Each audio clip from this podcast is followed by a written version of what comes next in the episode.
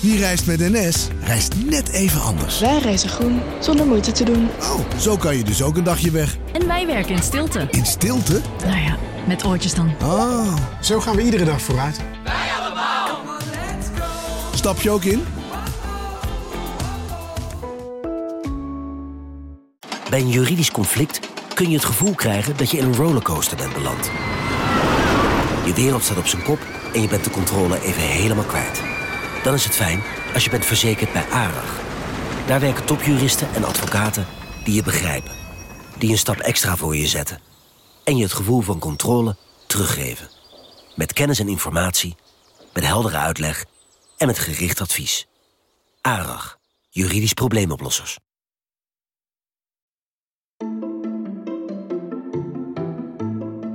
Hey, Lucas hier. We hebben vandaag een heel erg leuke aflevering voor je over de bijzondere mini-dino's van Europa. Maar voordat we daarmee gaan beginnen, nog even dit. Eh, Onbehaarde apen gaan live een uitzending opnemen en daar kun jij bij zijn. Als je naar nrc.nl slash theaterkikker gaat, kun je kaartjes kopen. Ze gaan hard, er zijn er nog wel wat, dus eh, wees er snel bij. Eh, in Utrecht gaan we op 6 mei, dus eh, met eh, Gemma en Hendrik erbij, een aflevering opnemen. Koop een kaartje, wees erbij, krijg een drankje en dan, eh, dan zien we je daar.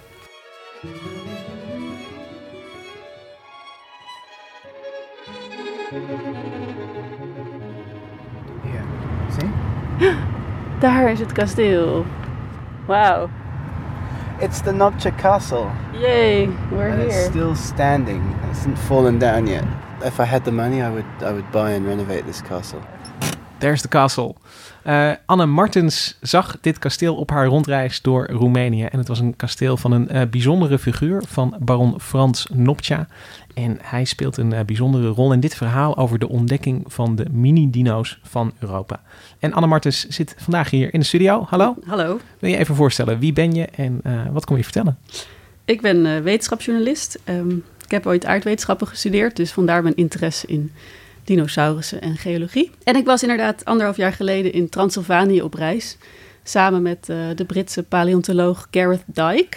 Hij is eh, vogelexpert, tenminste eh, vliegende dino-expert en ouderwets, ouderwetse vogelachtige expert. Ja, die vogels zijn dino's natuurlijk. Dus als je zegt ja.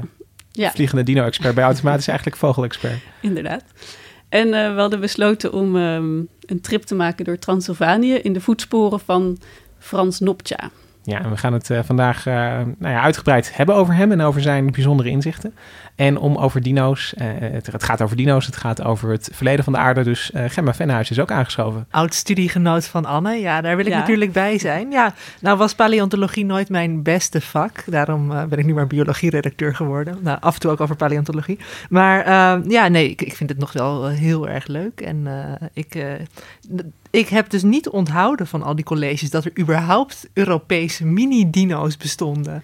Ik ook niet. Dus, nou, maar daarom was jouw artikel een grote eye-opener. En eh, ja, ik ben heel benieuwd. Ja, Anne Martens, je hebt eh, eh, vorige week een, een, had je een groot stuk in NRC over eh, Nopcha en zijn mini-dino's. Jij bent hem ook achterna gereisd. Eh, daarvoor ging je naar Roemenië. Vertel even eh, ja, hoe dit verhaal begint. Hoe komen we in Roemenië terecht? Hoe kwam jij in Roemenië terecht voor dit verhaal? Nou, ik kwam eh, via LinkedIn weer in contact met een paleontoloog, eh Gareth Dyke. En ik had hem vroeger ooit eens voor een televisieprogramma geregeld. Ehm, die ging over ehm, vliegende dinosaurussen. Van over de evolutie van het, hoe dat vliegen ooit ontstaan is. En via LinkedIn kwamen we met elkaar in contact. En toen eh, zei ik tegen hem: Oh, ik wil eigenlijk altijd nog een keertje een dinosaurus opgraven. Dat staat al heel lang op mijn bucketlist. En toen zei hij: Nou, kom maar eens een keer mee naar Roemenië. Ik ga daar elk jaar een paar keer naartoe. Eh, vooral naar Transylvanië. En toen vertelde hij me eigenlijk dus over ehm, ja, wat voor dinosaurus je daar kan vinden. En over ehm, ja, een bekend figuur daar zo. Ja, want ik denk bij Gaaf aan Dracula. Dracula. Ja, Bekend figuur. Transylvanië, dat is, dat is snel uitgeteld. En draken, denk je natuurlijk ook. ja. Dus misschien komt dat wel ergens vandaan. Eh, namelijk dus dat er vroeger dus, eh, in het krijt, in het late krijt, ehm, ja, veel dinosaurussen leefden. Ja, want eh, jij zegt van ik wil een dino opgraven. En een, een paleontoloog zegt dan gelijk van kom dan naar Transylvanië. Want dat staat dan kenbaar bekend als een plek waar je dino's kan vinden. Ja, klopt. Ja, En dat is een gebied in Roemenië, de- een Ja. streek in Rome- Roemenië. ja het is een eh, provincie van Roemenië. Ja. Het is ehm, een beetje heuvelachtig. ehm, best veel, ja, een beetje platteland is het. Tenminste, mijn ervaring is dat het veel eh, ja, landbouw plaatsvindt daar. Met eh, hele rare hooibergen ook. Dat is heel typisch voor die streek. Hele ronde, hele hoge hooibergen. En overal zit een stok in het midden. En dat is, dus Dat je rijdt daar, daar over het land op zoek naar, naar dino's. En, en Ja. wat voor, ik, ik bedoel, ik, ik kan me voorstellen, nou ja, misschien moet je wel op de akkers zijn, dat weet ik niet. Maar Mhm. eh, jij zegt ik wil een dino vinden. En, en waar neemt een paleontoloog je dan mee naartoe? Ja, naar een beetje een soort van zandweggetjes. En dan stop je ergens en dan weet hij ergens ehm, ja, dat er een soort ontsluiting is. Zo heet dat eh, in, de, in de geologie. Dat betekent dus dat de soort van echte aardlagen aan het oppervlakte zijn. Dus dat, je, dat het niet begroeid is met gras of, of iets anders. Maar dat je echt de aardlagen, verse aardlagen ziet. En ehm, ja, Dat er soms- geen begroeiing overheen geen- ligt ja. of zo. Want dat, Ja. dat is natuurlijk, er liggen natuurlijk op veel meer plekken misschien oude aardlagen bloot. Maar dan als er een bos overheen ligt, dan ben je als paleontoloog snel klaar. Ja. Maar ik herinner me nog wel van onze aardwetenschappen veldwerken, dat ook in een ontsluiting, ik bedoel, het is niet dat, dat de dino-botten daar voor het oprapen liggen, of de eh, fossielen überhaupt. Nee, dus je moet heel veel geduld hebben. Want ik heb zelf ook niks gevonden. Dus daar baalde ik nog steeds van. Dus mijn bucketlist is nog steeds niet vervuld. Ehm, maar inderdaad, eh, ja, die, die, die paleontologen die daar dan komen... die gaan dan eh, ja, met een groepje... Ja, gaan ze gewoon een paar uur zoeken. En gaan ze gewoon die helling aflopen. Of veel vinden ze ook blijkbaar bij rivierbeddingen... waar dus de rivier het gesteente eh schoonslijpt. En dan kan je dus soms ook in het gesteente daar... Ja, want die botten zijn dan iets harder dan het omliggende zandgesteente... of het kleigesteente. En dan ja, steekt dat een beetje uit. Dus op die manier vinden zij dus wel Ja. botten. En, en wat voor grootte moet ik dan aan denken? Kippenbotjes formaat of... Varieert. Kan heel klein zijn, eh, het kan heel groot zijn. De beroemdste opgraafscène zit volgens mij in Jurassic Park. Met een kwastje vegen ze dan ongeveer het zand af van een heel skelet. Maar inmiddels weet ik dat, eh, nou ja, dat vind je eigenlijk bijna nooit. Als je een dinofossiel vindt, zijn het bijna altijd stukjes, toch? Denk het wel. Kleine puzzelstukjes, Ja. eh, eh, bot en tand misschien. Ja, volgens mij is het vrij zeldzaam om echt een heel exemplaar te vinden. Ja. En je zei het al even in het begin van de, hier in Transylvanië vind je dan vooral, komen dan aardlagen naar boven uit het krijt. Mhm. En dat is het laatste tijdperk van het, van het dino-tijdperk eigenlijk. De, laatste fase voordat een, een grote planetoïde een Ja, maakte. heb jij eh, NRC Ja. gelezen afgelopen week? Ja, dat was in de vorige podcast natuurlijk al even. Ja, de- voor wie meer over planetoïden wil weten, inderdaad, luister die vorige aflevering. Ehm, maar, maar dat is, weet je, het, het is dat, de zwanenzang van de dino's eigenlijk. Daar, daar, daar hebben we het over. Over de, eh, de laatste keer dat de dino's nog één keer mogen schitteren voordat ze worden uitgeroeid. Eh, ja, dat, dat ook. Maar het is natuurlijk ook, eh, daarvoor gingen ook dino's dood. Dus eh, het is niet alleen maar dat, dat elke fossiele dino die gevonden wordt ehm, door de meteoriet is eh, omgekomen. Nee, nee, maar ik Dus- bedoel, het, het, het was het laatste hoofdstuk van, van de dino's. Dat is wel Ja. het krijt waar we het over hebben. Ja, ja. Want, want je hebt ook nog vroeg krijt en laat krijt, maar dit Ja, is dan nee, echt... dit is atoomlaatkrijt. Ja, Ja. klopt. Maar ik ben ook zo benieuwd naar die Noptja. Dus geen Ja. graaf Dracula, maar wel een baron. Dus Ja. Ook wel eh, van adel. Ja. Want inmiddels weten paleontologen dat ze veel dino's kunnen halen in Transylvanië. Maar eh, die Noptja was de eerste die daar eigenlijk die Transylvanië op de kaart zette als dino-vindplaats. Ja, hij vond de eerste, of eigenlijk vond zijn zusje de Ah. eerste dinosaurusbotten van ehm, Centraal-Europa. Dat was eind eh 19e eeuw. Toen ehm, is zij een keertje op het landgoed van die Noptja, want het was dus een baron.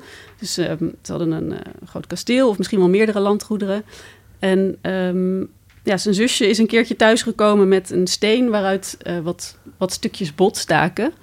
En eh Noptja was zelf toen acht jaar en zijn zusje was vijf jaar jonger.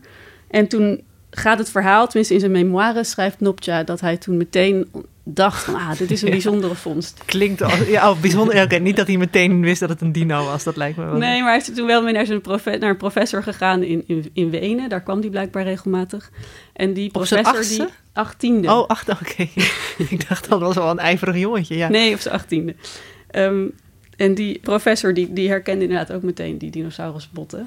Welke tijd hebben we het dan? Eh, volgens mij 1895 uit mijn hoofd. Oh ja, dus, dus dan begint... eh, ja, het, dan, dan weet de wetenschap van het bestaan van dino's. Dan heb je Mhm. zelfs in, in Amerika heb je een soort eh, dino, dino rush. Weet je, Ja, dat was echt de opkomst van de paleontologische interesse, toch? Ja. Dus, dus ik kan me voorstellen dat eh, als jonge man, baron, die dan eh, met, met nieuwe eh dinofossielen aankomt zetten eh, in, in Wenen, dat er dan wel deuren voor me open gaan. Ja, zeker. Ehm, in eerste instantie heeft hij toen die professor uitgenodigd om met een hele delegatie naar dus het landgoed in Transylvanië te komen om, om, om fossielen te komen zoeken. En dat is er volgens mij nooit van gekomen. En daar baalde Nopcha ook heel erg van. Maar wat hij toen zelf gedaan heeft, is dat hij dus eh, een heel seizoen daar gezocht heeft naar nog meer botten en nog meer botten. En, Zullen zijn ouders leuk hebben gevonden, die hele tuin overhoop? eh, ja, zoiets. Nou, het was wel een soort van beetje beboste plek. En toen is hij dus geologie gaan studeren, eh Nopcha. En sindsdien is hij dus eh, ja, dinosaurus-expert geworden en geoloog. Ja, maar dus hij, hij komt daar als, als eh, jonge man ehm, ja, van adel, gaat geologie studeren. Eh, in, een, in een spannende tijd. Eh, hoe, was dat? Ging dat goed? Eh, is, hij gelijk, ehm, is, is hij gelijk populair en, en, en, en bekend om, om zijn vondsten? Of, of duurt dat wat langer? Nou, hij, ehm, ja, ik heb zijn memoires gelezen. Het is echt, ik vind het heel bewonderenswaardig, want hij reist echt heel Europa door. Dus geld was geen probleem. Hij ging van Londen naar Frankrijk, naar Spanje, naar terug naar Transylvanië. Dan ging hij naar Albanië. Weet hij reisde gewoon constant en eh, gaf hij overal lezingen. Of dan ging hij in Londen andere dinosaurusfossielen bestuderen.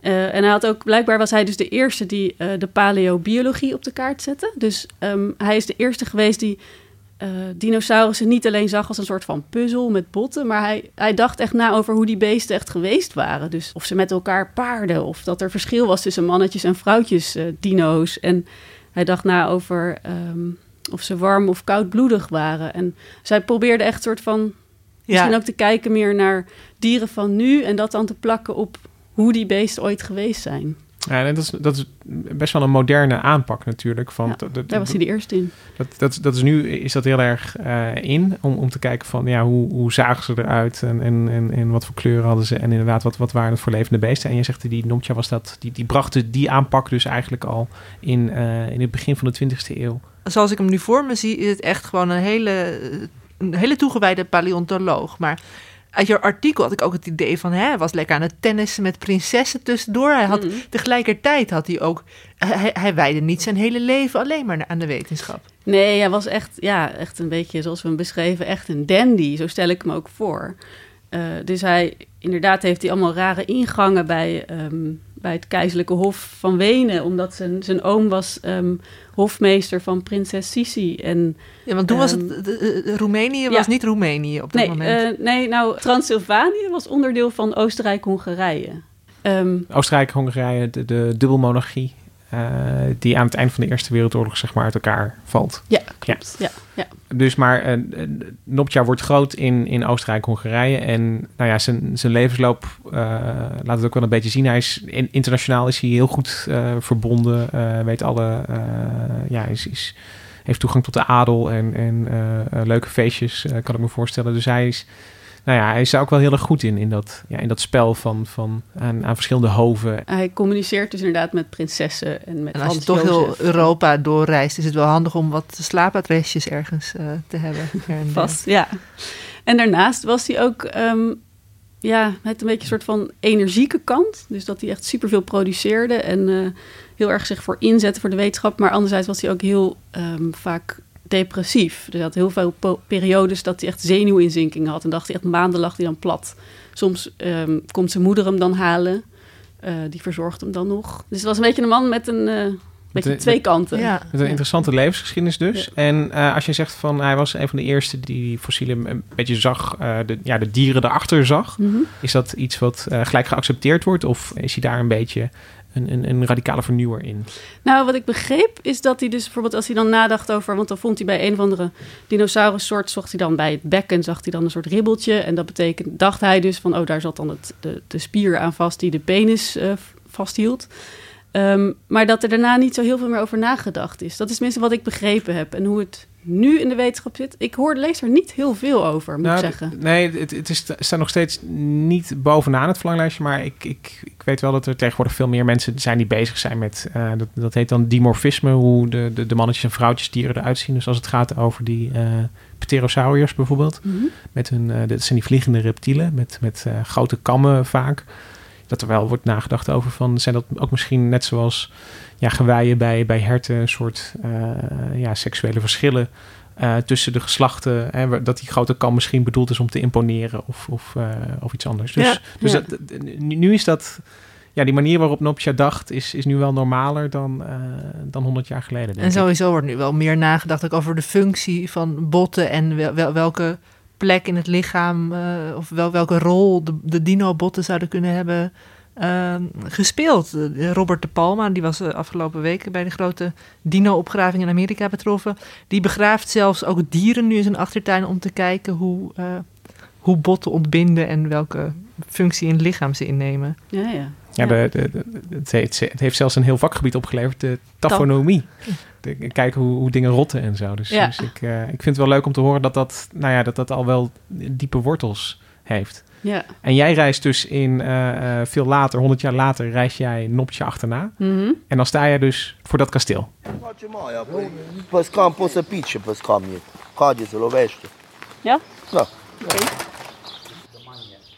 Het is helemaal vervallen. Je ziet dat het pleisterwerk eraf is gevallen. Dus je ziet de rauwe bakstenen. Maar we zien een soort van toren met allemaal kleine kantelen erop. En je ziet dat het pleisterwerk ooit eerst geel was. En daarop zit nog mintgroen. Now just take a look.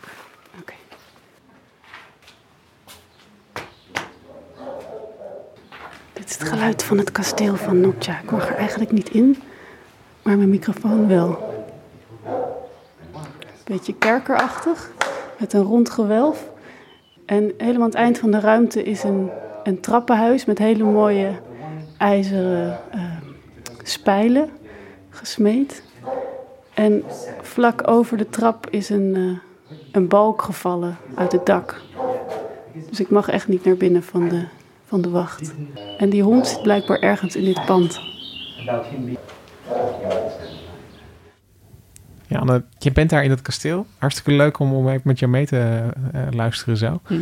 Ehm, maar het, het is vergane glorie een beetje. Ik bedoel, het pleisterwerk eh, valt van de muren af. Nou, nog wel wat mintgroen, hè? Ja, het is nog wel mintgroen, maar dat is, dat is het dan ook. Ja. Ehm, ik, ik bedoel, wij hebben het nu al een, een, een, eh, kwartier over Nopcha en zijn, zijn dino's. Maar is het, is hij, wordt hij in Roemenië wel herinnerd? En, en kennen ze zijn naam daar nog? Nee, hij schijnt gewoon vooral eh, in eh, meer West-Europese landen bekend te zijn. Eigenlijk lokaal is die... Ik heb één jongen gesproken, die, ehm, die is wel heel erg Nopja-fan. Eh, dat is Roemeen. En die wil heel erg hem op de kaart proberen te zetten als een soort van lokale held. Maar eigenlijk is, het nog vrij, is hij nog vrij onbekend. En misschien kwam het omdat hij dus eigenlijk uit Hongarije kwam. En ehm, Oostenrijk-Hongarije kwam. En nu dus dat het onder, onder Roemenië valt. Dus misschien is dat ook een soort van... dat hij daarom een beetje vergeten is. Want inderdaad, na eh, de Eerste Wereldoorlog ehm, raakte Nopja zijn kasteel en zijn landgoed kwijt. En eh, ja, is hij nog wel een paar keer terug geweest, maar is hij eigenlijk verjaagd door de lokale bevolking. En ehm, ja, raakte dus ook al zijn, zijn geld en zijn goed kwijt. Ja, waar hij eerst zo vol vuur was en zo ongebonden door geld en familie, Ja. kon hij nu in één keer veel minder. Ja, zoals meer mensen misschien in die tijd wordt, wordt hij een beetje, ja, komt hij een beetje klem te zitten tussen al die politieke en, en eh, veranderingen en oorlog. En eh, dat, eh, want het werk dat Nopje heeft gedaan is wel degelijk belangrijk en nu nog steeds relevant. En daar Mhm. gaan we het nu over hebben, want wat hij heeft laten zien over Roemenië en Europa eigenlijk in die tijd, daar, ja, daar wordt nog steeds onderzoek naar gedaan. Ehm, dus we gaan proberen nu om dat Transylvanië van, van nu een beetje eh, terug de tijd in, in, in, te, in te gooien en eh, te kijken hoe het eruit zag 70 miljoen jaar geleden. En eh, Anne, jij zag daar al een beetje in het Roemenië van nu, hoe het Roemenië van toen eruit zag. We rijden door ehm, groene, groene weides met soms akkers. Soms zie je mais wat net geplant is. En in de verte zie je een beetje bergachtige gebieden. And what did this landscape look like, like uh, in the Cretaceous area? What did this landscape look like in the Cretaceous? Um, well, this whole region was a series of islands in a in a in a kind of shallowish um, sea at the time. So one of Nobsha's contributions to the geology of this area was that he um, he mapped out um, you know the so-called Hadseg Island, the extent of Hadseg Island. So Hadseg is a quite a big island. Quite different plants in the landscape during the age of dinosaurs. most of the plants that we see today are flowering plants, angiosperms. And these plants didn't evolve until the end of the Cretaceous. Oh, interesting. Oh. Ja, heel interesting. Maar jij, jij we hoorden jou daar op de weg. Die lag er natuurlijk niet 70 miljoen jaar geleden. Wat ik wel begrijp is dat wat nu Roemenië is en, en wat, wat een onderdeel is van een grote landmassa, toen een eiland was. Ja, Transylvanië was toen een eiland. Heeft, ja. heeft Noptja dat ontdekt of was dat toen al bekend? Nou, wat toen wel bekend was, dat was eh, dat Europa eh, rond, dat, rond die tijd eh, bestond uit een soort van grote zee, de Tethys-zee. En dat daar heel veel archipellen van eilanden lagen. Ja, want ons eigen Maastricht is, eh, is een voorbeeld van een, een, eh, van een ondiepe zee, toch? ja, Met- de met- Mosasaurus die daar rondzwom. Ja, ja. en stel je dus voor dat die, dat die zee dus doorliep van, van Maastricht tot en met, ehm, nou, Transylvanië. Ja. En ehm Hatzeg, dat is een stad in, in Transylvanië. En ehm, daar heeft Noptja dus een eiland naar vernoemd. Want hij ehm, ontdekte dus in dat gebied veel dinosaurussen. Kleine dinosaurussen. En daaruit eh, maakte hij op dat Hatzeg een eiland geweest is in het late krijt. Oké, dit moet je eventjes... Hij vindt kleine dino's. Ja, hij vindt kleine dino's. Daaruit concludeert hij dat, hij, dat, eh, nou ja, dat de streek waar hij woont, en waar hij die dino's vindt, dat dat 70 miljoen jaar geleden een eiland was. Welke denkstap zit daartussen? Nou, dat ehm, toen in die periode, eh, dus eh, begin 1900, was al wel bekend dat op Kreta en Malta hele oude fossielen gevonden waren van eh, kleine olifanten bijvoorbeeld, of hele grote ratten. Dus, ehm, en er is toen een theorie ontstaan dat dieren op eilanden soms klein kunnen worden. Dus Noptja die vond in, in Hatzeg dus ehm, ja, een Macryosaurus dacus. Dat is een dinosaurus met een hele lange nek en een lange staart. Hij loopt op vier poten. Eh, eet planten. Iedereen En- kent ze wel, denk ik, als de, de, de langnek dino's, eh, eh, worden ze dan in het Nederlands genoemd. De Ja. sauropoden. Ja, en die in Amerika zijn die bijvoorbeeld 20 meter lang.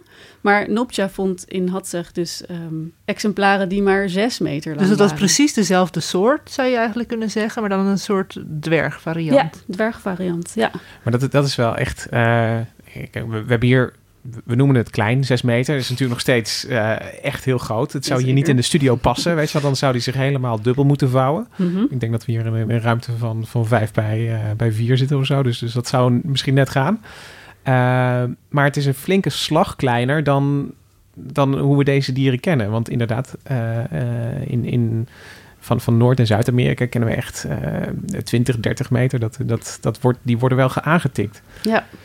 En, en Noptja is dan al degene die denkt van... hé, hey, ehm, omdat ik hier zo'n zo'n zo'n dwergvariantje vind... Dan, dan heb ik hier misschien te maken met een eiland. Ja, dat is inderdaad de dekstap die hij gemaakt heeft. Ja. En hoe groot was dat eiland dan als geheel? Ehm, ik las 80.000 vierkante kilometer. Oh ja, dus, Dus, is wel, eh, kun je ook wel eiland. zes meter lange dino kun je nog wel je wat, wel wat kwijt. rondstappen. Ja. is geen schiermonnikoog. Nee. Nee. Nee, want ik, ik heb het ook even opgezocht. Het, het wordt ongeveer de grootte van Sri Lanka nu. Wordt het, eh, Ja, eh, klopt.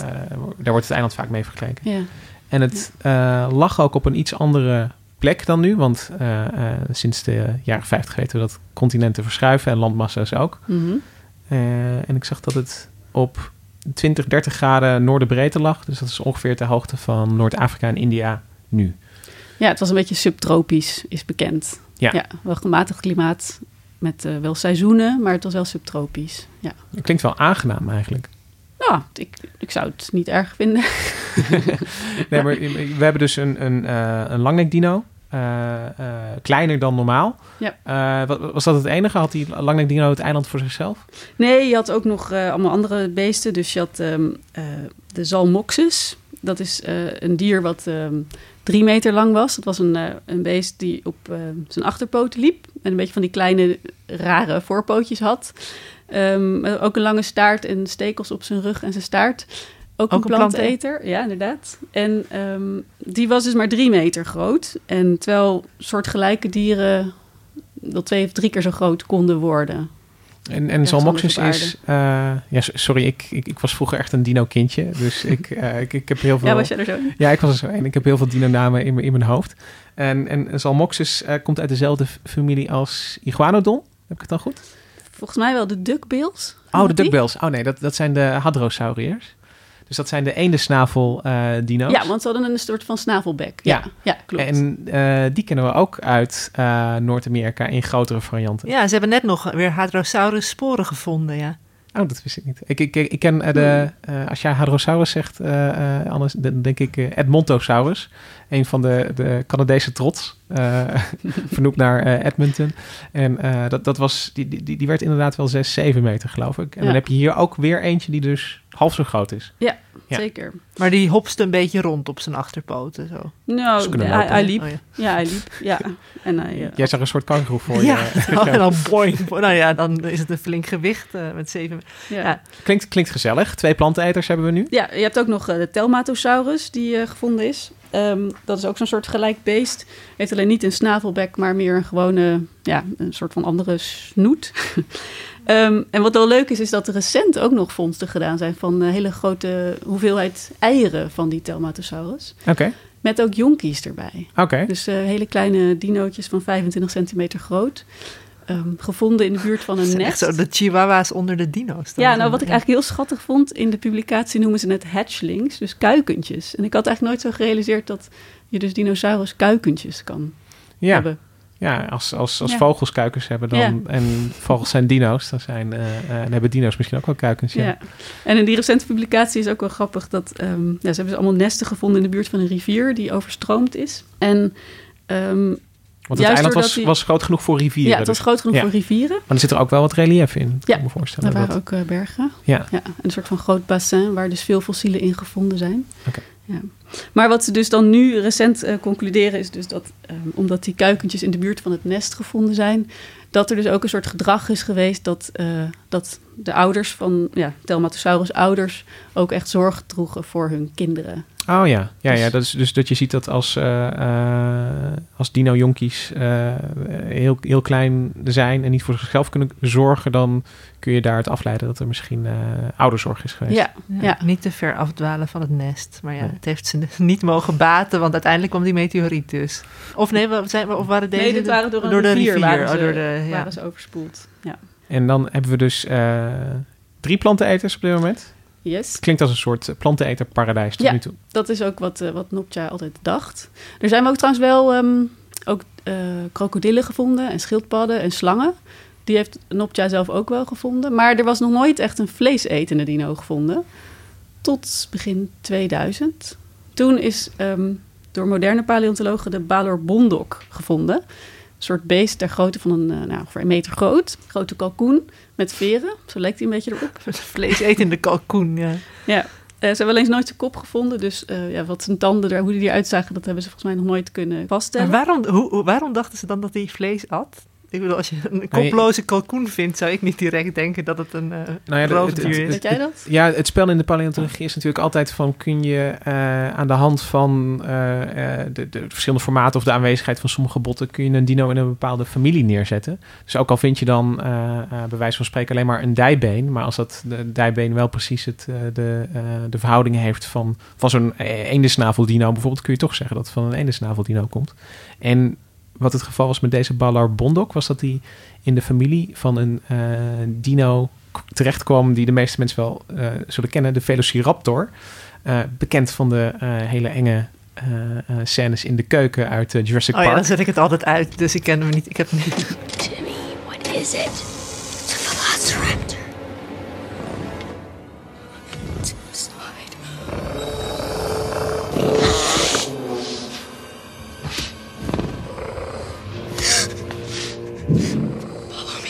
Mijn- mijn- ik was heel klein toen ik Jurassic Park voor het eerst zag. En mijn moeder heeft eh, me heel erg laten schrikken een keertje. do- door te doen alsof... Zat ik in de keuken, zat ik een, eh, een tekening te, in te kleuren of zo. En toen eh legde ze ineens een soort klauw op mijn, eh, op mijn schouder. Dus dat Schoot je ook het keukenkastje in, net als de kinderen ik- uit Jurassic Park? ik meteen- moeten doen. Zo meteen komt jouw moeder met een ingezonden brief in NRC. eh. ja, dit is trouwens Ja. wel een keertje gebeurd.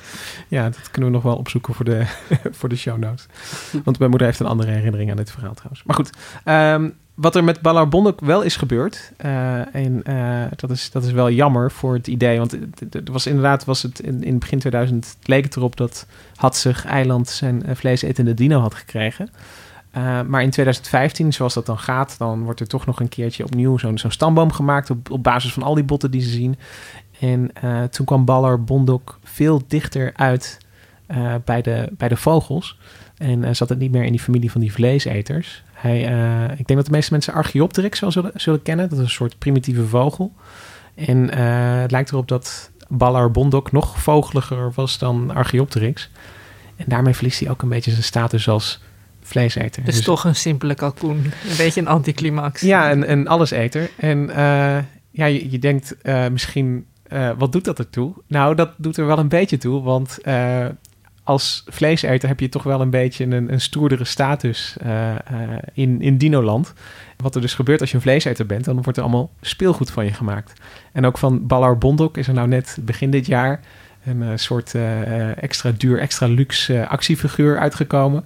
En ja, dat, dat is eigenlijk alleen maar omdat hij vleeseter is. Let's take a look at the figure. Now, um, Balor is one of the figures that I did want to get from the beasts of the Mesozoic line. So first up, let's take a look at this head sculpt. The head sculpt is really nicely done. I love this blue around the eyes. Blue is my favorite color. And the way that this has been done is gorgeous. Ja, we hoorden hier Matthew, de Dinosaur King. En die heeft een, die heeft een recensie van een Ballar Bondok pop gemaakt. Ja, En die man die heeft dus nooit zijn dino-fase uh, te boven gekomen. Dit had Lucas ook kunnen zijn, hoor, die je net had. Over, als, als ik dit soort recensies zie, dan denk ik van misschien wil ik ook wel een, uh, een figuurtje hebben. Het, het, er zit heel veel liefde. De, de, makers stoppen er heel veel liefde in. En ook de mensen die dit soort figuren kopen, die, uh, die hebben heel veel liefde voor dino's.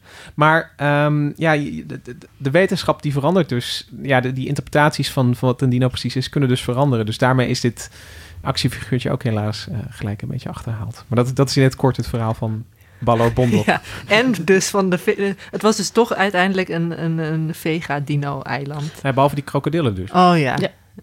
Want ik, uh, en, en ik vind het wel een mooi moment om een beetje um, stil te staan bij wat, wat er precies gebeurt op eilanden. Want um, dat, dat alles zo klein en, en groot kan worden, dat heeft natuurlijk bepaalde redenen. En uh, dat, ik, ik, ik vind Hatzeg Island daarom wel een, een heel mooi ja, voorbeeld voor uh, allerlei ideeën uh, over evolutie. En nu is het zo dat eilanden natuurlijk al veel langer een, een, ja, een, een belangrijke proeftuinen zijn geweest voor het testen van ideeën over evolutie. Doordat de verschillende eilanden zo geïsoleerd liggen van elkaar en van het vasteland, is er sprake van een geringe biodiversiteit. En juist daardoor wordt het proces van natuurlijke selectie goed zichtbaar. We hoorden hier een fragment uit de VPRO-serie The Beagle uit 2010, eh, die uh, ja, Darwin achterna reisde. Darwin uh, die, die, ja, die kwam natuurlijk met veel van zijn ideeën over evolutie dankzij eilanden. En nou ja, hoe komt het nou dat eilanden zulke bijzondere plekken zijn? is omdat ze, je hoort het al, ze zijn zo geïsoleerd. Dus alles wat daar aankomt, Weet je, dat, dat, is, dat is sowieso. Uh, is, heb je daar al. Nou ja, niet elk dier kan een eiland bereiken, zeg maar, laat ik het zo zeggen. Dus uh, Anne, jij noemde al die olifantjes op, die, op, op Malta en Kreta. Maar dat komt, ja, die worden daar gevonden omdat de olifanten zulke goede zwemmers zijn. Dus die kunnen in ieder geval eilanden, eilanden bereiken. Maar waarom dan juist de kleine? Ik bedoel, waarom zou een kleinere olifant een betere zwemmer zijn dan een grote? Ja, maar dat is de... Nee, ze worden juist kleiner. Ja. Dus zodra ze aankomen op een eiland... hop, ja, hop.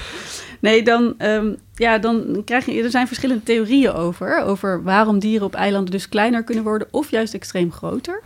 Een van de theorieën is dat er dus geen roofdieren zijn en ook geen parasieten. En daardoor um, hoeven dieren die voor planten eten bijvoorbeeld minder groot te worden om en misschien is er ook minder eten, dus is het ook weer gunstig als je een kleiner lichaam hebt. Ja, precies. Want je kunt, ook, samen, ja, je kunt natuurlijk ook minder goed trekken. Weet je, dat als er wat eten op is, dan dieren op vasteland die gaan dan gewoon trekken naar een plek waar wel eten is. En op eilanden is dat gewoon lastig. Dus dit zijn precies twee hele belangrijke redenen. Want uh, uh, de olifanten zijn zo groot natuurlijk, omdat ze, weet je, van groot is machtig. En dat is ook het idee dat die langnekdino's zo groot waren. Is ja, hoe groter je bent, hoe moeilijk het is voor een, een, een roofdier om je uh, om je aan te vallen. Een volwassen olifant heeft eigenlijk niks te vrezen. En op het, uh, maar op het eiland geldt het recht van de sterkste niet zo. Minder. Zeker minder. als je alleen maar met een paar ja. uh, krokodillen te maken hebt. Nou, dan kun je, die kun je als zes meter dino ook nog wel aan ontsnappen. ja, nou dat, dat, is het, het. Het hoeft gewoon niet zo hard. En omgekeerd zie je aan de andere kant van, van het spectrum... zie je dat hele kleine dieren... die zo klein zijn om zichzelf goed te verstoppen, denk aan knaagdieren bijvoorbeeld. Eh, die kunnen juist, misschien is het wel voordeliger om, er- om een beetje groter te zijn. Dus, dus die gaan juist vaak een beetje de andere kant op. Ja, die, die, die vervullen dan een bepaalde niche of zo. En die kunnen dan één keer Ja. groter worden, toch? Dus, dus eh, op, op een eiland hebben ze, als ze klein zijn, vooral vanwege eh, om zichzelf goed te verstoppen voor roofdieren. En misschien is er dus zoiets met eh Balor Bondok gebeurd. Misschien is het geen verdwergde velociraptor, maar een vergrote loopvogel. Eh, dan, dan zie je dat, dat die juist weer eh, eh, een maatje groter kunnen worden. Dus er gebeuren ja, eigenlijk allerlei dingen met, met formaat op zo'n eiland. En, Ja. en dat is waarom had zeg zo'n gezellig paradijs van mini-dino's. Ja, ik zie al helemaal wegdromen. Lekker weer, gezellig dino-paradijs. Ja. Ja, en er, maar er zijn, nog, er zijn nog een paar redenen waarom eilanden zo bijzonder zijn. Want vaak, om, omdat, ze, omdat ze weer, omdat ze zo geïsoleerd zijn, kun je dus ook een soort. Ja, soms kun je daar een bepaalde groep dieren behouden die op andere plekken al verdwijnen. En, en dat, een, een modern voorbeeld daarvan is Madagaskar. Daar eh, eh, heb je nog heel veel eh, lemuren en, en makies en die groep van de primaten die eigenlijk op in Europa en Azië eigenlijk een beetje zijn uitgespeeld en vervangen zijn door, door andere apen.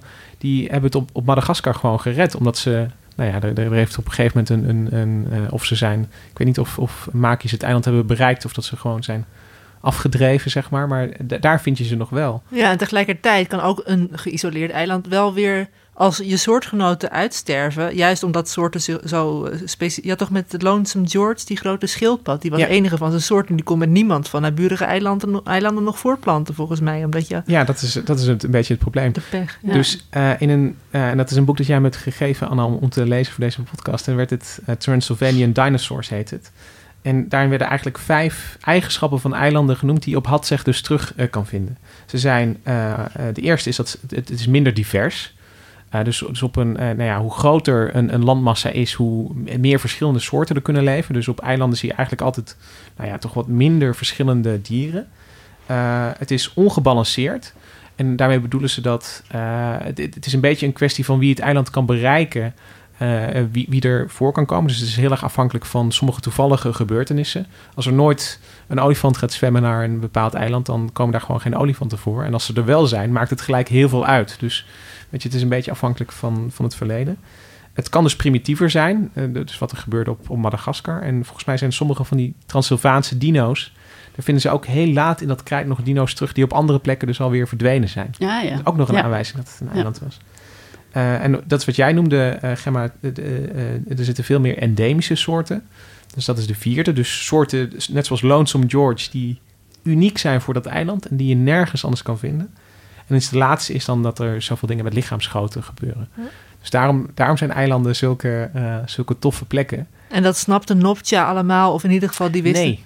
Nopja had een beetje een... eh, die zag wel goed dat het een eiland was. Mhm. Maar die had daar een beetje een achterhaald idee bij. Ja, maar hij had wel toch bedacht dat, dat, dat je, wat je als eerste zei, dus dat er zo weinig soorten zijn, dat had hij wel in de smiezen. Ja. ja. dus waarschijnlijk was het een eilandpopulatie. Maar, eh, en, en dat is geen scheldwoord, maar Noptja was een beetje een, een lamarkist, heet het dan.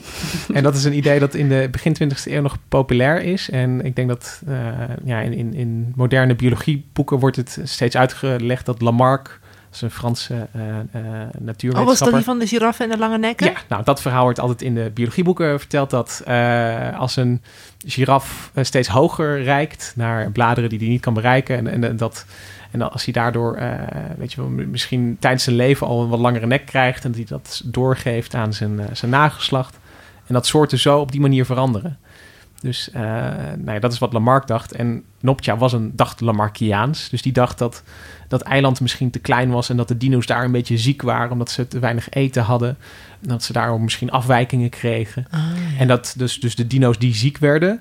eh, die, die gaven een beetje die ziekelijke toestand door aan hun nageslacht... en dat ze daarom een beetje Ja, verdwergden. dat, het eigenlijk, dat ze in optimale, dat ze eigenlijk ze leefden in suboptimale Ja, omstandigheden precies. volgens hem dan. Maar, Ja. maar ik heb nog een vraag. Eh, we hebben het nu de hele tijd over die landdino's, maar eh, had je ook eh, vliegende dino's en zo ja, eh paste die zich ook aan aan die grote? Ik ben zo Nou. blij dat je deze vraag gesteld hebt. Inderdaad, want dat is nog één ding wat we niet verteld hebben.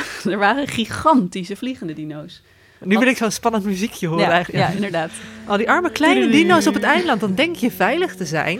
En dan... Maar dan vliegt er in één keer een joekel over van 10 tot 12 meter spanwijdte. Dus denk je in een Spanwijdte, soort van spanwijdte, denk je in een klein vliegtuig. Ja, dat, is- dit is echt even eh 10 tot 12 meter. Hè? Dit, is, Ja. dit is straaljagerformaat. Dus, dus een, een, een moderne F-15 Ja, serieus? heeft... Ja, een, een, een F-15 heeft eh, 10 meter of 11 meter spanwijdte.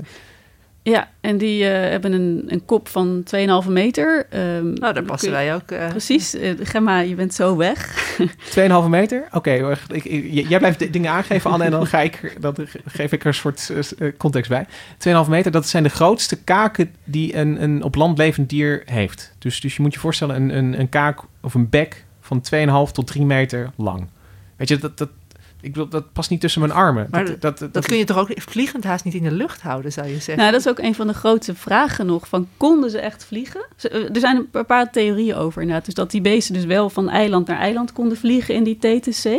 Want er zijn ook ex- exemplaren van een soortgelijke soort gevonden in, in Spanje en in Amerika. We hebben het over die pterosauriërs, die Ja. vliegende reptielen. Ja, die het zijn het een soort vliegende reptielen. Oh, al- en in Amerika waren ze ook zo groot. Ja, er zijn een soort vliegende reptielen met ehm ja, achterpoten die zitten los, maar hun voorpoten zijn een soort van vergroeid met een soort ehm, membraan. Dus ze hebben een soort van Ja. vleugel gekregen, net als een vleermuisvleugel. Nou, dat, is- dat is nog wel grappig. Dat, eh, wat het mooie van pterosauriërs en vogels en vleermuizen is dat ze eigenlijk met andere aanpassingen aan hun skelet eh, kunnen vliegen. Dus eh, vogels vliegen met eh, hun eh eh, spaakbeen en ellepijp eigenlijk, als ik het goed zeg. Eh, met, met, met daar, dat is, dat is tot eh, vleugel geworden. Ehm, vleermuizen hebben eh, hun vijf vingers, waartussen een membraan is gespannen eigenlijk. En wat die pterosauriërs hebben gedaan, is die hebben hun ringvinger eigenlijk gigantisch vergroot. Ja. En dan, dan hangt er een huidflap tussen hun ringvinger en, en hun lichaam eigenlijk. Dus het, zijn, het zijn drie gewervelden die zijn gaan vliegen. En dat hebben ze alle drie op een andere manier gedaan. Ja.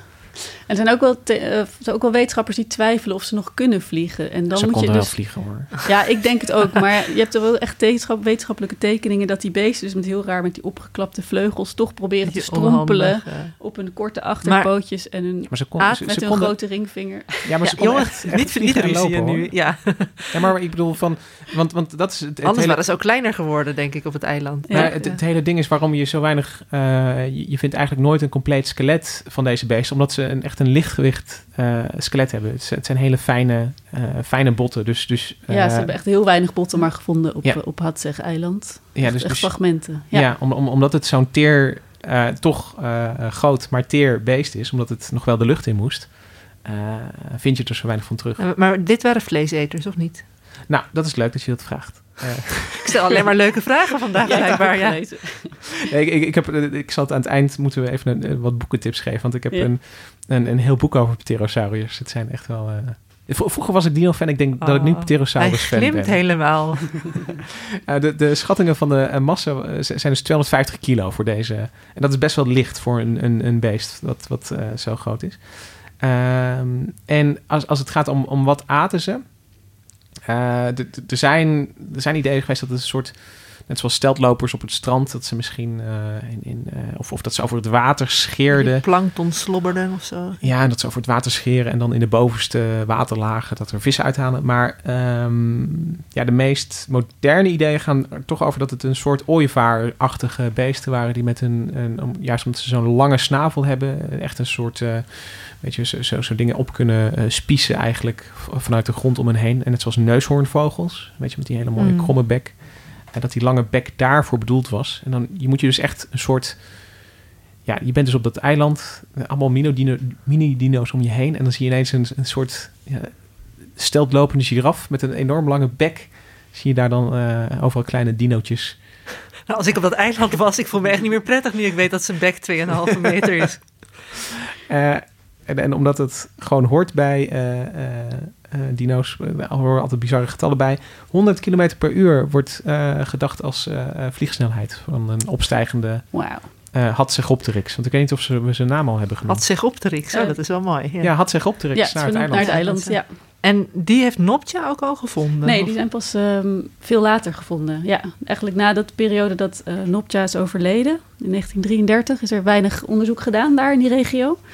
En pas vanaf de jaren 80 zijn er weer veel geologen eh, nieuwe dino's gaan Je zoeken. had gewoon er één kunnen vinden, vinden Anne. Ja. Misschien moet je toch nog maar een keer terug. Ik heb echt mijn best gedaan.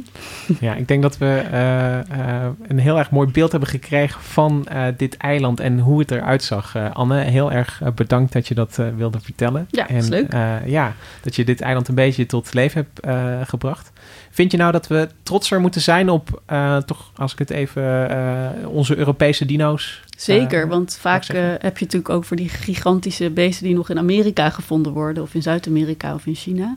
Maar ik vind, ze- wil zeker een lans breken voor de bijzonderheid van die, eh, van die Europese beesten. En zeker als ze dus ook nog miniatuurformaat zijn. Ja, ik wil een Hatzeg Park. Gewoon een soort kinderboerderij eh, Jurassic Park. En dan- Ik zou zeggen, Gemma, ga er naartoe. Want ze hebben allemaal. ehm, UNESCO heeft het uitgeroepen tot Geopark. Dus er zijn allemaal toeristische attracties van gemaakt in Transylvanië. En dus op verschillende plekken kun je dus museums zien. En ehm, ja, Hatzegpark bestaat en het ligt in Roemenië. Dus eh, ga daarheen. alleen vond ik een bordje dat je dus geen fossielen mocht zoeken en meenemen. Dus Ja. daar baalde ik wel van.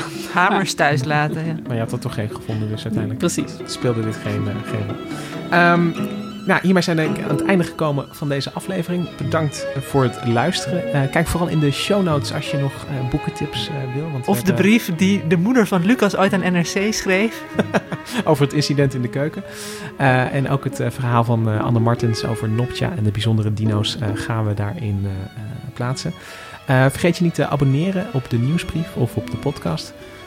Eh, en nu schiet me ineens te binnen, Gemma, dat we Oh. nog iets recht te Ja, zetten ja, hebben. ja, ja.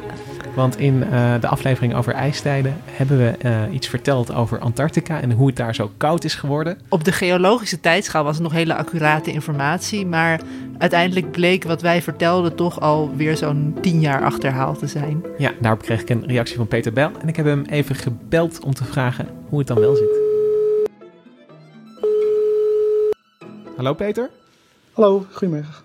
Hallo, wil jij eh, je even voorstellen? eh, wie ben je en eh, wat doe je? Nou, ik ben Peter Bel en ik ben eh, onderzoeker aan de Universiteit Utrecht. En ik eh, doe met name eh, onderzoek naar eh, de veranderende oceaanstromingen rond Antarctica in het geologisch verleden. Ja, en nu luisterde jij natuurlijk met veel interesse, kan ik me dan voorstellen, naar de aflevering over ijstijden. Eh, en toen hoorde je iets dat, eh, waarvan je dacht, hé, hey, dat klopt niet meer. Ja, het was eigenlijk een verzuchting van, ah, daar gaan we weer. Ja. maar eh, het is een heel hardnekkige hypothese, die heel lang ook in de tekstboeken van, eh, van iedere aardwetenschapper heeft gestaan. Dat het ontstaan van de isolerende circumpolaire stroming heeft gezorgd voor eh, het ontstaan van de Antarctische ijskap. En want wij vertelden dat Antarctica ja, zo afgelegen ligt, dat met de oceaanstroming en de wind die eromheen, ja, als een soort eh, ja, cirkelvormige stroom omheen eh, eh, cirkelt, dat het, dat het daardoor kouder is geworden. Ehm, en dat ligt dus subtieler, begrijp ik van jou. Eh, ja, dus die, de, de isolerende zeestroom rond Antarctica die houdt Antarctica zeker eh, koud. En de afwezigheid van zo'n zeestroming eh, op de Noordpool, die er op de Noordpool niet is, dus die, die maakt ook dat de Noordpool over het algemeen wat warmer is dan de Zuidpool. Maar het ontstaan van die zeestroom heeft niet het bevriezen van Antarctica veroorzaakt. Want ehm, dat suggereert dat Antarctica voor het ontstaan van die isolerende zeestroom wel onder invloed stond van die warme stromen. En dat zien we niet. We zien eigenlijk het omgekeerde. Dus voordat Antarctica eh, zo'n zeestroom eh, eromheen had, was Antarctica wel warm, maar was het niet onder invloed van warmere stromen. Het warm zijn van Antarctica en het ontstaan van de ijskap wordt eigenlijk nu eh, vrijwel volledig toegeschreven aan het eh, afnemen van broeikasgas in de atmosfeer. En eh, het is zelfs nog zo dat we eigenlijk eerder het omgekeerde zien. Dus toen, zodra die Antarctische ijskap er was, versterkte die, eh, de kou op, dat, op Antarctica die windpatronen, die jij dus ook hebt meegemaakt, heb ik begrepen. En die hebben wel de oceaanstromingen versterkt rond Antarctica. Maar het is dus eerder omgekeerd. Het is eerder een consequentie van het ontstaan van de ijskap dan het gevolg ervan. En dan ben ik nog heel benieuwd naar hoe komen jullie uh, hierachter? Want uh, uh, ja, die stromingen, die, ja, hoe die in het verleden liepen... Ik, ik kan me voorstellen dat je daar met modellen een beetje bij kan komen. Maar hoe ontkracht je dan zo'n hypothese dat, dat het die isolatie van Antarctica is geweest? Nou, we hebben inderdaad een hele, hele, heel, hele set van artikelen geschreven... die eigenlijk vooral kijkt naar de combinatie van heel geavanceerde computermodellen... maar ook de fossiele plankton in, in, rond Antarctica. Dat, dat, dat is specifiek mijn expertise, waarbij ik kijk naar het plankton in boorkernen rond Antarctica, uit het, uit het, die dus dateren, of die eigenlijk sediment, dus oceaanbodemmodder bevatten van het Eoceen en het Oligoceen.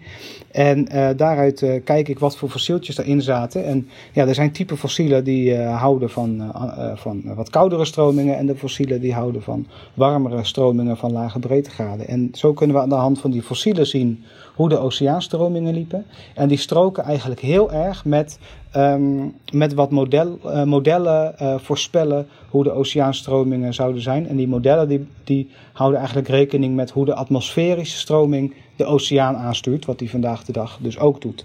En dus ook uh, een modelsimulatie maakt met de continenten op de plekken waar ze lagen tijdens het Eoceen. En omdat die twee dingen, dus hoe de atmosfeer de oceaan uh, aanstuurt en onze fossielgegevens uit de boorkernen, omdat die zoveel overeenkomen met elkaar, hebben we eigenlijk heel sterk bewijs van hoe het eigenlijk zat in die tijd. En die hypothese over het isoleren van Antarctica en, en het staan van de ijskap, ja, die dateren van voordat er überhaupt computermodellen waren. Dus het is uiteindelijk echt voortschrijdend inzicht en geavanceerdere technieken die ons in staat stelt om uh, daar meer inzicht in te krijgen. Ja, want toen jij op school zat of toen jij geologie studeerde, werd dat ook echt nog aan jou onderwezen dat dit de reden was dat Antarctica uh, bedekt is met ijs. Ja, nou, mijn, uh, mijn promotor hier op de universiteit, die, uh, dat was de eerste die zijn zaag in de stoelpoten van deze hypothese zette. Dus wat dat betreft ben ik al heel vroeg uh, overtuigd geraakt van het feit dat het anders zat dan wat er in de schoolboeken stond. Maar um, inderdaad, er komt nu soms nog steeds geologieboeken tegen waarin die oude hypothese staat over die oceaanstromingen. En, en af en toe hoor je het in een podcast. En af en toe in de podcast, ja. Heel, uh, hartstikke bedankt, Peter, dat je dit even wilde toelichten. Als je ons weer betrapt, dan uh, schroom niet om het uh, even te laten weten. Oké, okay, prima. Dankjewel. Oké, okay, dankjewel. Ja, goedje. Dag. Dag.